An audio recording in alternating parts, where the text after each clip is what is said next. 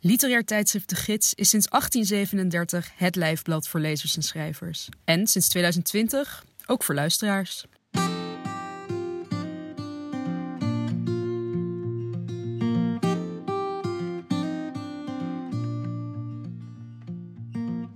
Je luistert naar de 63ste aflevering van Sprekende Letteren. Een podcast met verhalen, essays en poëzie uit de gids. Voorgelezen door de schrijver of dichter zelf. In deze aflevering hoor je het gedicht De Paling en de Dood van Maria Barnas. Geschreven naar aanleiding van haar ontmoeting met palingvissers.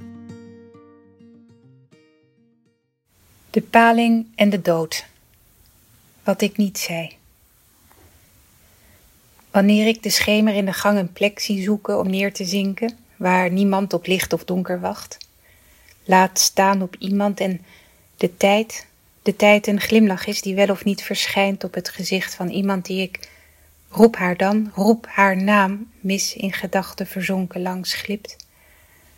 En alle mogelijkheden die aan die ijle figuur ten grondslag liggen, glimmen, de palingen die in de schemerpoel wringen, op zoek naar een uitgang uit dit huis, een leven, de dood, de mond, die begint te praten tegen een gerookte paling in de schappen van de flakkerende supermarkt. De adem, het plastic bewazemend, een lome mannenstem uit de intercom die mij dubbel laat betalen omdat ik naast een streep parkeerde. En mijn woede, die niet door de speaker past om de man te laf, laf bek om tevoorschijn te komen, de open mond van Margaret Thatcher. In een flits haar profiel scherp afgetekend in een mondkapje, in de berm van de snelweg geslingerd, afgedankt happend de paling die de zee niet kan bereiken, de dood. Het dichtdoen van een deur om stemmen kinderen in de tuin te sluiten, ben ik die schemer die zinkt en wringt en nooit een rustplaats vindt. En de paling die in een put werd gegooid groeide geen millimeter. Ze veroudert niet, weigert of kan zonder beweging niet deelnemen aan wat wij het verstrijken noemen van de tijd. Alleen haar ogen bollen in de loop der jaren op tot schalen waarin ik mijzelf zie opgediend.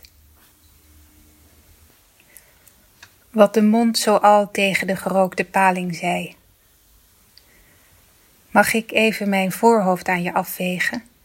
Wat lig je daar, sereen? Kunnen we wel van de paling spreken wanneer we weten dat jouw leven een voortdurende metamorfose is? Een doorzichtig blaadje in aanvang dat dobbert in de Atlantische Oceaan. Was je een eitje, een zaadje? Niemand zag je ooit ontstaan. De diepte van het wier in de Sargassozee zijn nooit door mensenogen waargenomen een gat in ons weten dat een beschermd kennisgebied zou moeten zijn? Of moeten we soms alles opensnijden? Freud ontleden duizenden mannelijke palingen te vergeefs op zoek naar voortplantingsorganen. Wat zijn frustratie veroorzaakte laat zich raden, of is dat gemakkelijk praten, noem het maar makkelijk. Jaren houd je je in de modder op, totdat je begint te verlangen naar je oorsprong of afgaat op het dichte zout van de zee waar je oorsprong moet liggen. Je kan een druppel angst in het IJsselmeer ruiken, dus waarom geen zout ter zoutst? Nog 3000 kilometer naar het zout waar we vandaan komen en sterven. De zee die geen vaste plek heeft, maar dobbert als een tijl zonder wanden in de Atlantische Oceaan. Daar gaan we. Met onze volgroeiende lichamen tot we opklappen tegen een wand, een sluis, gemaal of dijk. De eerste sluizenbouwers maakten palingtunnels. Nu moeten we hopen op een visser die ons overzet.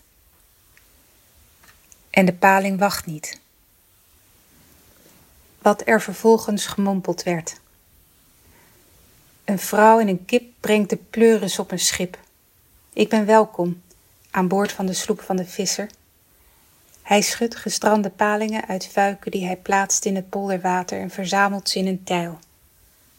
De palingen slaan alle kanten op en glibberen over elkaar om letterreeksen te vormen die ik niet kan lezen, tot ze ophouden met bewegen. Ze liggen stil langs de rand nog stiller. De tijl besprenkeld met schubben van zilveren visjes die spartelend in het zoete water worden teruggekiept. Een sterrenhemel op de bodem van de bak. De visser aait de wollen poten van een krab.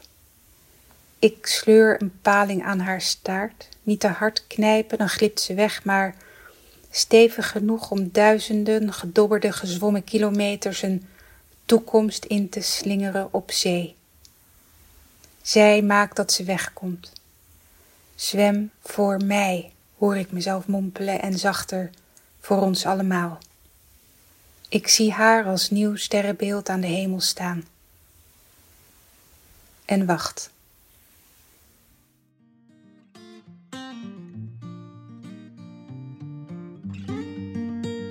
Je luisterde naar De Paling en de Dood, een gedicht van Maria Barnas. Maria Barnas is dichter, schrijver en beeldend kunstenaar. Ze publiceerde onder meer de roman Altijd Augustus en dichtbundel Nachtboot. Ze is tevens redacteur van de gids. Wil je dit gedicht lezen? Dat kan. Alle bijdragen die in sprekende letteren hoort zijn terug te vinden op onze website www.de-gids.nl. Wat je ook kunt doen op die website is een abonnement nemen op de gids. Vanaf 20 euro per jaar ben je al abonnee en steun je het langslopende literaire tijdschrift van Nederland.